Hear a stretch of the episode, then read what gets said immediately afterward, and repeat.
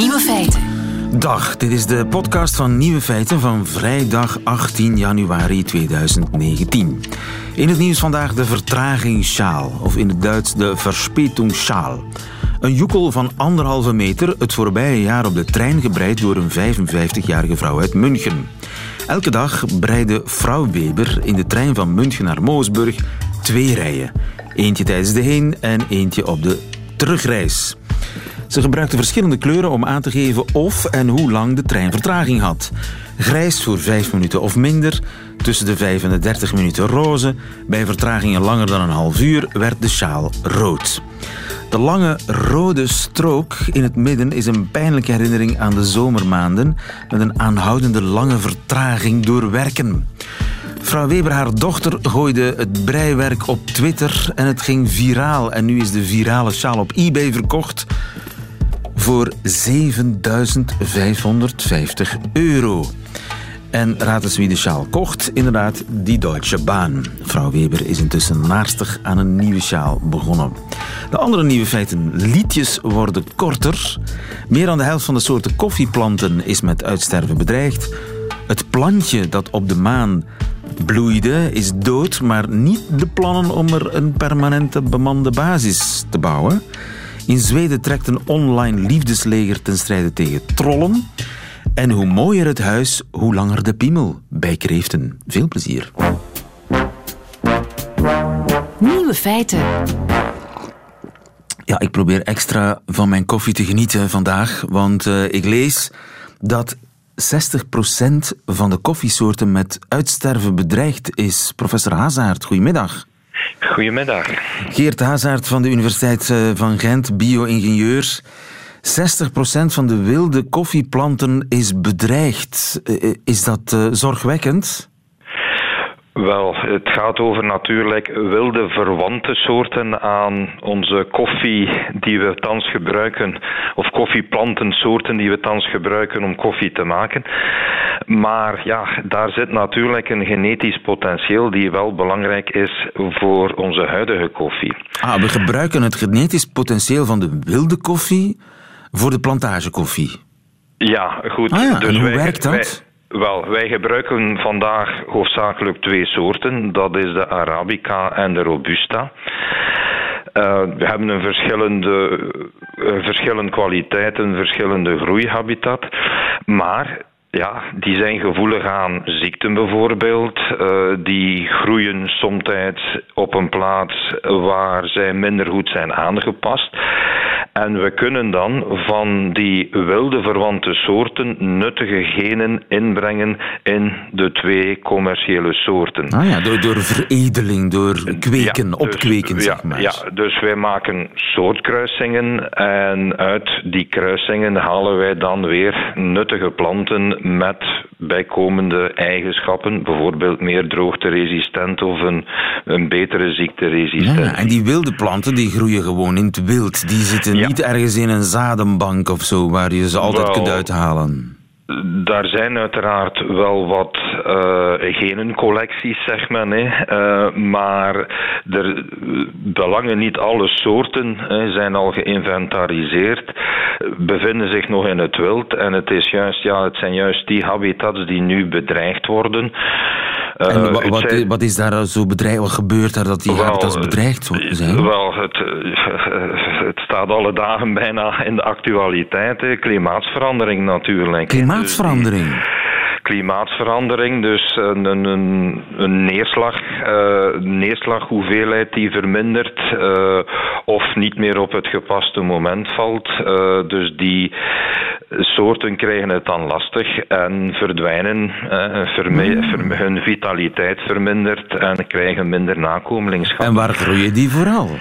Wel, um, bijvoorbeeld als je kijkt naar uh, Arabica en aanverwanten, dan zitten we vooral in uh, Ethiopië. Dus daar is een enorme genetische diversiteit te vinden. En ja, goed, door klimaatswijzigingen krijg je daar toch wel wat verschuivingen en bestaat er gevaar dat uh, die genetische diversiteit vermindert. Uh, en ja, die kunnen we dan uiteraard in de toekomst niet meer gebruiken. Ja, maar dus voorlopig is mijn kopje koffie niet in gevaar, maar we moeten wel ingrijpen. Wat betekent dat? Ja. Ingrijpen. Ja, wel, ingrijpen is dat één, ja, klimaatswijziging zo goed als mogelijk trachten uh, tegen te gaan. En daar zijn allerlei acties uh, en maatregelen, maar misschien is dat niet drastisch genoeg. Dus er moet hoogdringend ook een inventaris komen, een inventarisering van al die wilde verwante soorten en die eventueel in collecties trachten dan toch in stand te houden. Die in een soort koffie zo, ja. als het ware, ja. neerzetten, zodat we ze toch ja. hebben. Ja, want bij grote gewassen hebben we dat al lang gedaan. Hè. We hebben geen collecties van tarwe, gerst, uh, maïs, rijst en gaat zo maar verder. Maar misschien moeten we ook wel uh, een keer iets meer intensief ja, een inventaris gaan maken van alle wilde verwante soorten van koffie. En die trachten te conserveren op een of andere manier. En geen banken kunnen daar uiteraard bij helpen. Ja, of uh, hoe de klimaatopwarming gevolgen heeft tot in ja. mijn kopje koffie. Professor ja. Hazard. Zeker en vast. Nu, het beste zou natuurlijk zijn dan die klimaatswijziging iets te doen. Natuurlijk. Dat denk ik ook.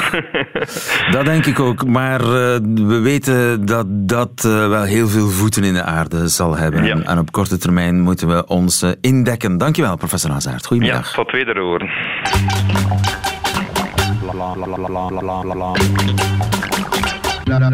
Nieuwe feiten. Zelfs in het zo beschaafde Zweden zijn er trollen. Farmor Smutsig där, äckliga rasförrädare. Om jag såg ut sådär skulle jag ta självmord. Du är totalt blåst din dumma subba. Din lilla pisshora. Om Sverige skulle bli invaderat och råka i krig så hoppas jag du är den första som får en kula i huvudet och dör. Dumma subba heb ik herkend en självmoord zal wel zelfmoord zijn. Pisshora lijkt mij ook uh, vrij duidelijk wat er bedoeld wordt. Maar tegen die trollen nu Jag är här, een online liefdesleger. Öppenhet. Respekt och att lyssna för att förstå. Jag hjälps åt. Jag är här. Marcel Burger, goedemiddag. Goedemiddag. Onze man in uh, Zweden, heb je al gehoord van dat liefdesleger? Ja, yoga het bestaat al drie jaar. Uh, gestart door een, uh, een, Zweedse van Iraanse afkomst. En ja, het is bedoeld eigenlijk om de haat op het internet, de nethaat, zoals het hier wordt genoemd, ja, tegen te werken. Iets waar zij van zeggen, de overheid blijft hierbij achter. Wij moeten er iets aan doen dat er zoveel vervelende dingen gebeuren op het internet. Nethaat, zeg. Mooi woord. Nu, is dat daar al uitgegroeid tot een, een troepenmacht met een zekere omvang? Of zijn dat een paar, een paar good mensen? Nee, de, de, club telt nu bijna 76.000 leden. Oh. daarvan zijn er 74.000 actief op internet, op Facebook moet ik zeggen. En wat ze eigenlijk doen is, als zij ergens zien dat daar heel veel haat wordt verspreid op een Facebook-publicatie van iemand, dan uh, proberen ze dat eigenlijk ja, te kenteren met, met, met positieve, met, met mooie berichten. Dus met, met, met liefde eigenlijk. Ah ja, dus als er iemand online gepest wordt. Of geef eens een voorbeeld. Is er in, in Zweden iemand die onlangs uh, door ja, trollen belaagd is?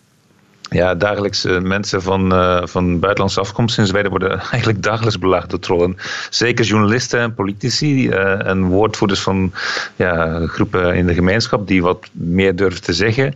Die krijgen dagelijks gewoon haatberichten, doodsbedreigingen, ook op Facebook. Dus zelfs de Facebookgroep, zeg maar, Facebook-moderators, die dat eigenlijk zouden moeten stoppen, die doen hun werk niet goed.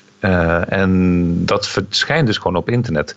Er zijn zelfs ook berichten in kranten op internet, die dan vervolgens worden gecommentarieerd door eigenlijk ja, haatbeluste mensen. En de kranten doen daar in het begin zo weinig aan, maar daar kan Jok er dus iets aan doen. Die trollen die hebben echt wel macht en invloed. Ja, want kijk, fake news, dat hoort er ook een beetje bij. Als je dus met heel veel mensen iets zegt, dan gaan andere mensen dat soms geloven. Dat is een beetje het probleem. Dus als je zegt dat iemand een terrorist is, bijvoorbeeld, dan gaan mensen dat, als je dat maar vaak genoeg zegt, geloven. En dat is eh, iets wat in internet zich heel snel kan verspreiden. En daar probeert die groep iets aan te doen. Ja, maar stel nu dat ik uh, op een gegeven moment iets zeg. wat zou ik bijvoorbeeld kunnen zeggen? Niet zo direct een voorbeeld. Uh, lieve, je, je, bent journalist, dat is al voor sommige mensen al een probleem. Als bijvoorbeeld hier uh, extreem rechts uh, de macht zou krijgen, partijmensen hebben al gezegd, zodra wij de macht hebben, dan zullen wij de journalisten allemaal voor het gerecht brengen die, die iets met Zweden te maken hebben. Dus dat zou wel een probleem zijn voor jou. Oh ja, oké. Okay. En, maar, dan, maar stel nu dat ik iets twitter hè, met een, een zekere politieke lading en ik krijg dan onmiddellijk een heel trollenleger over mij heen. Wat doet het liefdesleger wat doet Jag haar om mij te helpen? Zij zullen dan vervolgens allemaal mooie berichten op jouw uh, publicatie uh, zetten. Ja. En waardoor eigenlijk dus die, die negatieve berichten eh, ondergesneld raken. Uh, het kan ook nog een extra effect hebben, mocht je het publiceren gewoon voor, uh, voor Radio 1, VRT Radio. Dat bijvoorbeeld uh, zelfs de leiding gaat denken, oké, okay, misschien moeten we sommige commentaren wel weghalen. Nou zeg ik dat de VRT dat wel goed doet, maar bijvoorbeeld in Zweden zijn de kranten, die laten gewoon die commentaren van mensen staan. Ja. En kort geleden is een van de grote kranten heeft dan uiteindelijk toch besloten om commentaren weg te halen. Wat in Zweden iets groots is, omdat Zweden heel erg hecht aan de vrijheid van meningsuiting. Ja, maar, maar dat liefdesleger, houdt dat ook een beetje rekening met de werkelijkheid? Of is alles lief? nee, ze proberen te kenteren met, uh, met eigenlijk waarheden. Dus niet, niet, niet te lief, maar gewoon mooie berichten zoals zij denken dat het uh, volgens, de, volgens ja, de, de, de, de, data die bekend is, de cijfers die bekend zijn uit rapporten, uh, klopt. Dus zij vechten ook tegen fake news. Helpt het eigenlijk? Ja, het helpt wel. Uh, mensen uh, durven door het liefdesleger misschien toch nog wat vaker dingen te zeggen. Aan de andere kant helpt het misschien niet, omdat ook dit liefdesleger wordt gesteund, of werd gesteund juist door heel veel bedrijven en instellingen. Uh, en als er dan dus ook heel veel kritiek komt op dat liefdesleger, wat dus ook dus wel komt uit sommige hoeken in Zweden, dan trekken bedrijven zich terug. Want ja, bedrijven willen graag niet geassocieerd worden met conflicten. Dus ja, die, die tweestrijd, dat maakt het wel moeilijk. Zo aan de ene kant helpt het, aan de andere kant ja, misschien niet. Mensen durven misschien wel meer wat te zeggen, maar aan de andere kant zijn ze toch een beetje bang. En de kans is ook groot dat dat liefdesleger over de grenzen gaat. Uh, doet het al zelfs. In Duitsland is, het, uh, al, is er een groep van 6000 leden. Uh, Noorwegen, Finland volgen en zelfs Canada met een hele kleine groep, 200 mensen. Dus misschien is het ook tijd voor België voor Ik ben hier. Ik ben hier, ja, her, I am here, ik ben hier in Duitsland. Het stilaan internationaal gaande liefdesleger tegen trollen. Dankjewel, Marcel Burger. Goedemiddag. Radio, Radio 1. Nieuwe feiten. Leuker het huis, hoe groter de piemel. Bij kreeften, wel te verstaan. Dirk Drouwlands, ik kom bij jou terecht. Goedemiddag. Dag, lieven. Onze favoriete bioloog. Uh, het gaat meer bepaald om de heremietkreeften. Niet de gewone kreeften, ja. maar de heremietkreeften. Wat voor, wat voor dieren zijn dat?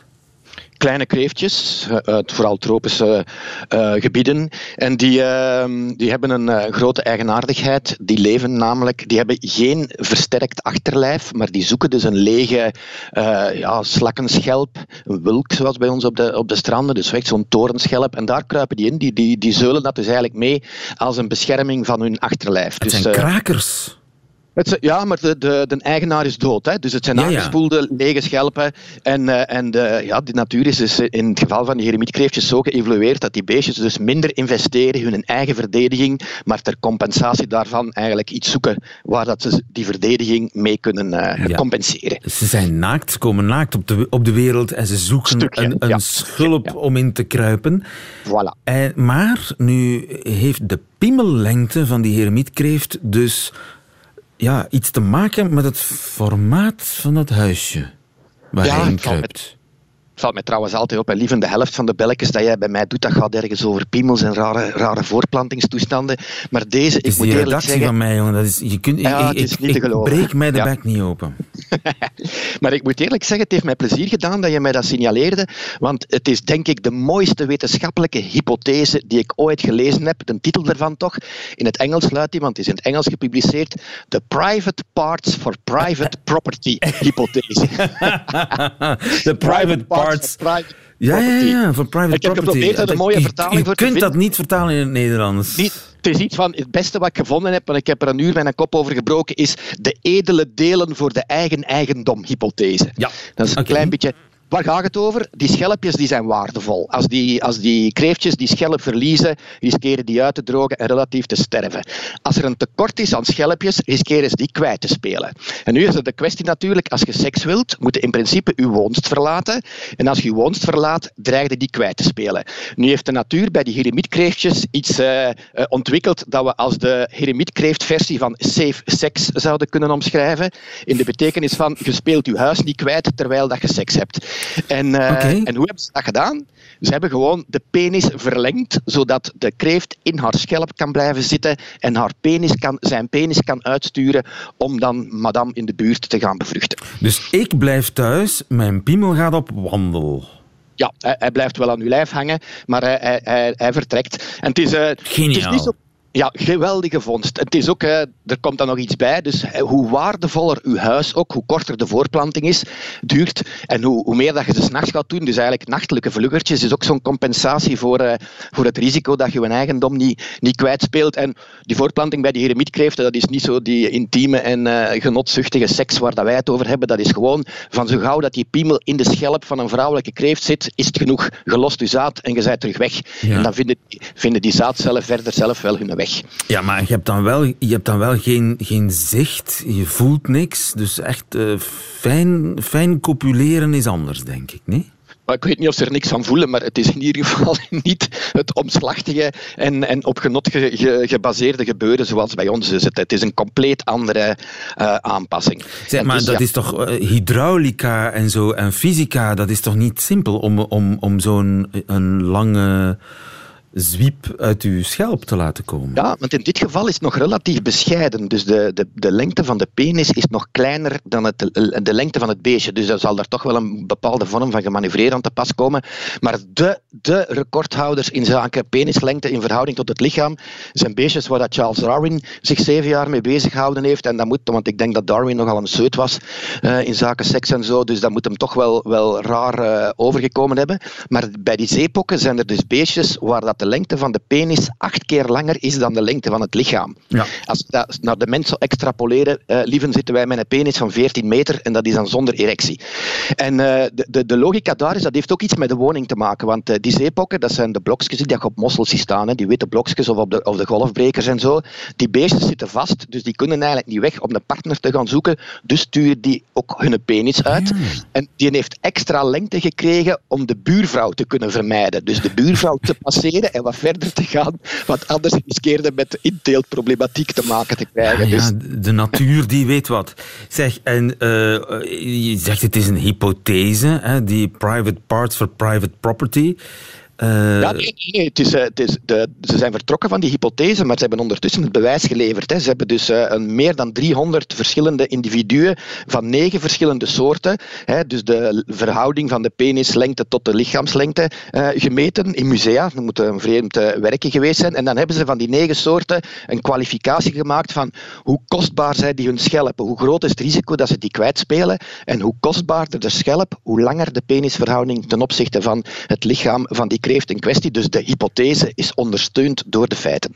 De natuur, hij zit wonderlijk in elkaar. Dankjewel, Dirk Drouwlands. Goedemiddag. Goeienacht. lieve. Nieuwe feiten.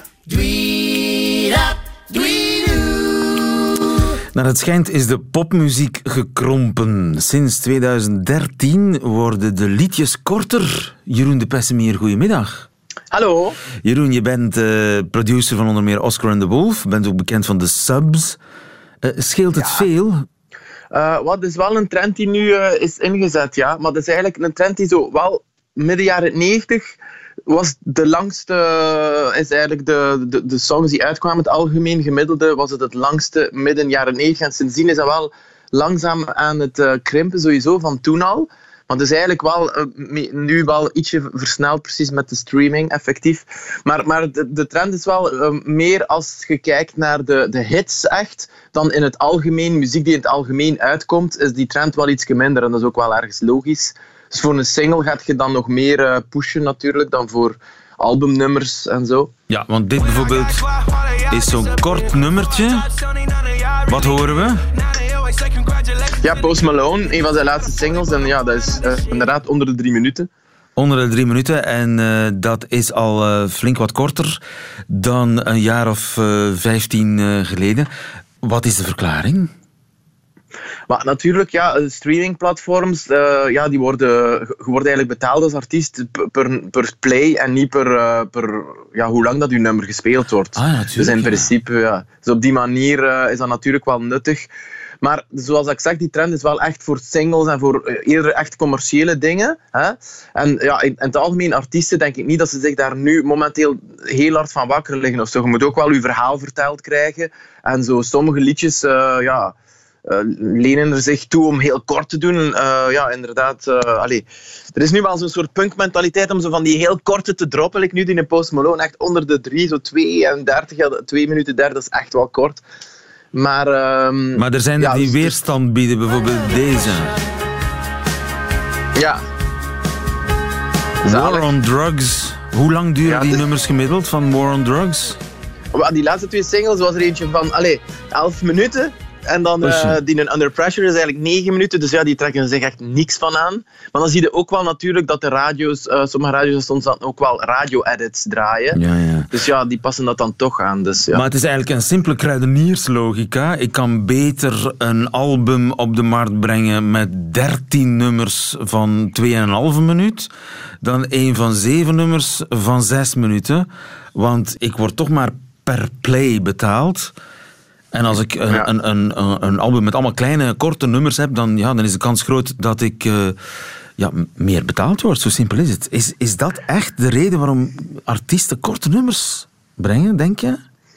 Maar er zit daar zeker wel, ik denk wel dat dat zeker wel meespeelt. Maar zoals ik zeg, dat is echt dan wel voor de echte commerciële artiesten. Want er is heel veel muziek die nog altijd uitgebracht wordt en geconsumeerd wordt. En en um, allee, op veel andere manieren dan de, dan de charts, de top 50, snap je? Dus er zijn ook heel veel artiesten die daar niet mee bezig zijn, zoals ik zeg. Ze, ze, ze maken een lied, ze vertellen verhalen en hun verhaal moet dan wel verteld worden. En dan probeer je uiteraard voor een single, en dat is altijd sinds jaar en dag al geweest, je moet to the point zijn. Een single mag geen seconde vervelen, sowieso niet.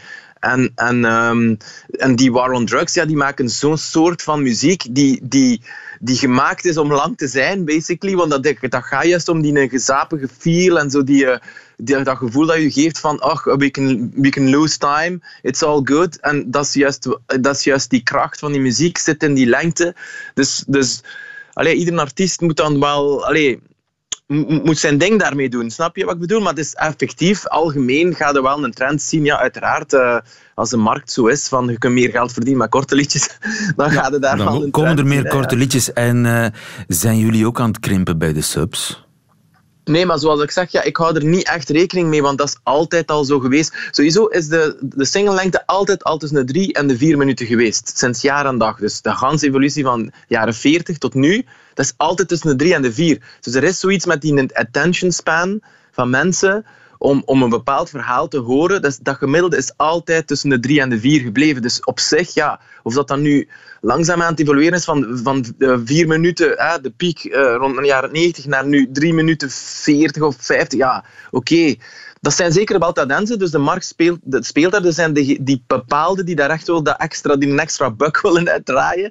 Die, die duwen dat dan naar korter. Maar zoals ik zeg, ja, bedoel, algemeen serieuze artiesten en zo, die gaan zich daar niet al te zeer om bekommeren. Maar beknoptheid is sowieso, ja, dat is logisch. Hè. Uw single, ja, die moet er staan. Hè? Een uh, korter is dikwijls beter. Dankjewel, Jeroen de Pessimie. Ja, Goedemiddag. wel.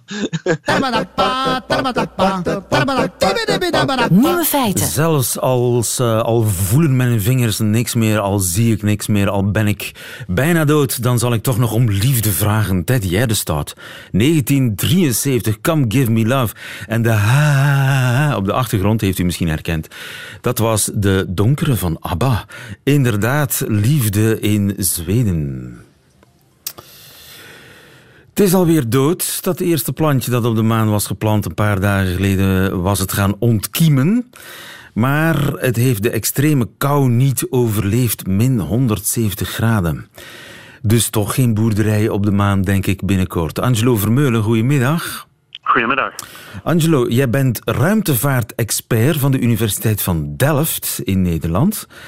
Eh, de Chinezen die hebben een maanlander gestuurd naar de donkere kant van de maan. Een robot doet daarvoor het eerst onderzoek naar het maanoppervlak. En eh, ze hebben niet alleen katoenzaadjes meegenomen naar de maan, ook aardappelzaden, gist, eitjes van fruitvliegjes en zo.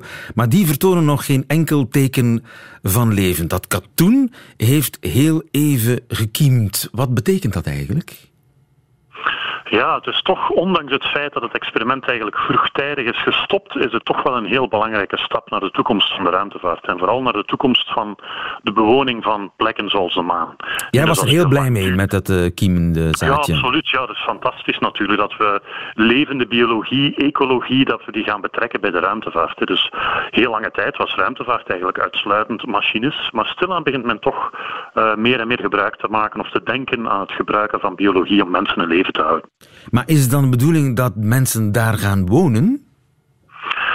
Wel, er zijn er natuurlijk een aantal stappen. Hè. Vooraleer we daar echt gaan wonen, zoals we hier op de aarde wonen, daar zitten we nog ver vandaan natuurlijk. Maar wat er eerst zal gebeuren is dat wetenschappers en astronauten uh, op onderzoek zullen uitgaan en dan eventueel op termijn een basis bouwen die ze misschien niet permanent bewonen, maar waar ze er wel regelmatig naartoe kunnen gaan. En dan aan een later stadium zou het kunnen dat mensen daar permanent blijven natuurlijk. Zo ziet de toekomst van de mensheid er eigenlijk wel uit. Voor Je gelooft echt rotsvast dat dat de toekomst van de mensheid is? De mens die eigenlijk ja, de ruimte koloniseert? Ja, dat zit, dat zit sowieso in het verschiet. Dat, dat, uh, als je kijkt naar de geschiedenis van de mensheid, waarin de laatste duizenden jaren, het is een beetje een, een vast gegeven dat de mens zich meer en meer verspreidt. Nu, ja, die andere plekken zoals de maan en Mars, dat is natuurlijk een pak moeilijker dan zelfs de meest moeilijke plekken op aarde natuurlijk.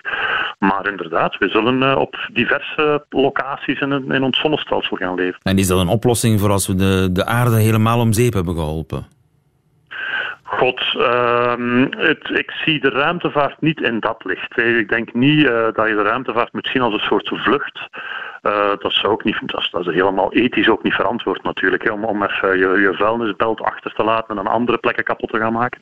Ik denk dat de ruimtevaart echt hand in hand moet gaan met, uh, met het verbeteren van het leven op aarde en het oplossen van de problemen hier. Dus een oplossing voor, daarvoor zou ik niet zeggen, maar ik denk dat het gewoon een logisch gevolg is van, uh, hoe, hoe mensen in elkaar zitten. Dat zijn mensen. Mensen zoeken grenzen en willen die verleggen. Ja. En willen die verleggen. Ze zijn natuurlijk heel nieuwsgierig um, om nieuwe plekken te gaan verkennen. Ja, inderdaad. Zou je dat zien zitten? Een leven op de maan? Uiteraard. En de maan is eigenlijk helemaal niet Uiteraard? Min 170 ja. graden. Ja, dat is de buitentemperatuur kan inderdaad dalen tot min 170. Dat, is dat wordt meer dan een damarken, hè? En, de, pas op, de, de warmte kan oplopen tot 130 graden. Dus het is nogal vrij extreem op de maan. Dus dat is een leven in een ruimtepak daar. Dat schrikt jou niet af.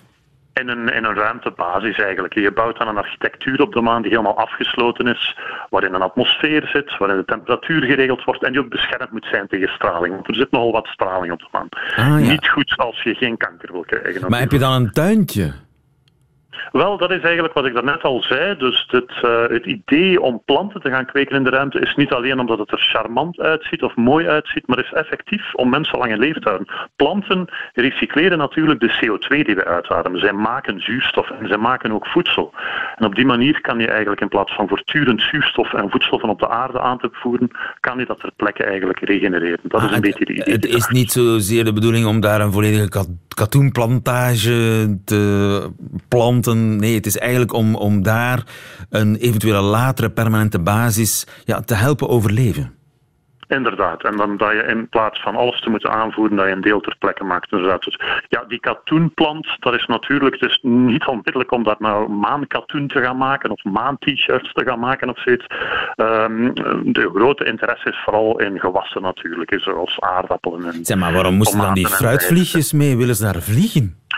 Ja, dat is, dat, zo zit de biologie een beetje in elkaar. Hè. Men heeft, binnen de biologie heeft men een aantal standaard organismen, zoals de fruitvlieg, waarvan men eigenlijk zeer veel weet. Men kent het DNA zeer grondig van die fruitvlieg bijvoorbeeld. Men kent de moleculaire mechanismen zeer goed. Dat is echt overbestudeerd En dan is het interessant om naar agenda te sturen. Ja, ja. En uh, moet je dan ook aarde meenemen om daar te gaan kweken? Of kun je echt in de bodem van de maan kweken? En ik vermoed eerlijk gezegd, maar dat is van een persoonlijke mening, dat men niet onmiddellijk zal beginnen met het kweken van aardappelen in de grond van de maan. Dat houdt een beetje te veel risico in. Men weet nog niet 100% welke stoffen dat er dan in terecht zouden komen in de aardappel die misschien niet zo gezond zijn voor de mens. Dus ik vermoed dat men eerder met, uh, met een watercultuur eigenlijk uh, uh, groenten zal kweken. Ja. Nu, het plantje is dood. Is dat een domper ja. op de feestvreugde? Het is een beetje een domper op de feestvreugde, uiteraard. Dat is met alle experimenten die vroegtijdig uh, afgebroken moeten worden. Maar het feit dat ze erin geslaagd zijn om de allereerste plant op de maan uh, te kweken, oh, ja, op de maan te kweken, dat is toch wel een enorme primeur voor het Chinese ruimtevaartprogramma natuurlijk. Die ja, primeur die hebben ze wel. Die primeur hebben ze wel. De Chinezen, het zegt ook iets over China vandaag. Ik weet niet hoe oud jij bent, Angelo, maar denk jij dat je ooit seizoensarbeider wordt op de maan? Ik, de kans is nogal, nogal klein, moet ik zeggen. Um, de Europese ruimtevaartorganisatie bijvoorbeeld, die werven wel af en toe astronauten aan, maar dat is met enorme tussenpozen. En ik denk dat ik wat te oud zal zijn tegen de volgende ronde. Dus, maar goed, ik, uh, ik zou niet nee zeggen moesten ze het aanbieden. Maar het is de toekomst. De planeten zijn voor ons. Dankjewel, Angelo Vermeulen. Goedemiddag. Ja, oké. Okay. Nieuwe feiten. Middagjournaal. Wat zouden u en ik zijn zonder Twitter? Het lievelingskanaal van Theo Franken, waar hij zijn grieven grif weet te verklanken. Het summum der sociale media. Het forum van verwarde, bange blanken, grossierend in bedenkingen die manken, gedubbelcheckt op Wikipedia en overlopend van verbaal geschitter, verzorgd en feilloos, als op papschoolbanken. Wat zouden u en ik zijn zonder Twitter? Het Eldorado van de anoniemen die ongezouten in uw tijdlijn priemen in schuttingtaal en zonder schroom of rem. Verspreider van ongure ziektekiemen en meninkjes en argumentjes die men maar rond blijft sproeien als een hond met klem. De spuwer, vloeker, rederijker, vitter, laverend in een bootje zonder riemen wat zouden u en ik zijn zonder Twitter? Het mooist op Twitter zijn de positieven, de softe, filosoferig naïven die u empoweren met wak gezwam, die huilen van ontroering, naar believen om babybibsjes, handgeschreven brieven, een hartje bij de middagboterham, een leuke kat, een goede babysitter, verwoord in tweetjes die uw hart doorklieven en die u print en koestert in archieven. Wat zouden u en ik zijn zonder Twitter? De prinselijkste tweeters zijn de lieden die ook in parlementen zijn te spieden, en anders wel bij Schols of Kools of Beck. Politici die bulderen en zieden of schoon hun assistenten hun ontrieden. De linksen, rechtsen, kleurlozen hybriden die klauwen bijten als een kat naar spek. Politici die met de grondstroom vlieden, die tweeten welk een onheil zou geschieden als het hier niet gauw wat leger werd en witter. De zeldzamen die slechts verlichting bieden, die zijn er ook, maar bijna nooit op Twitter.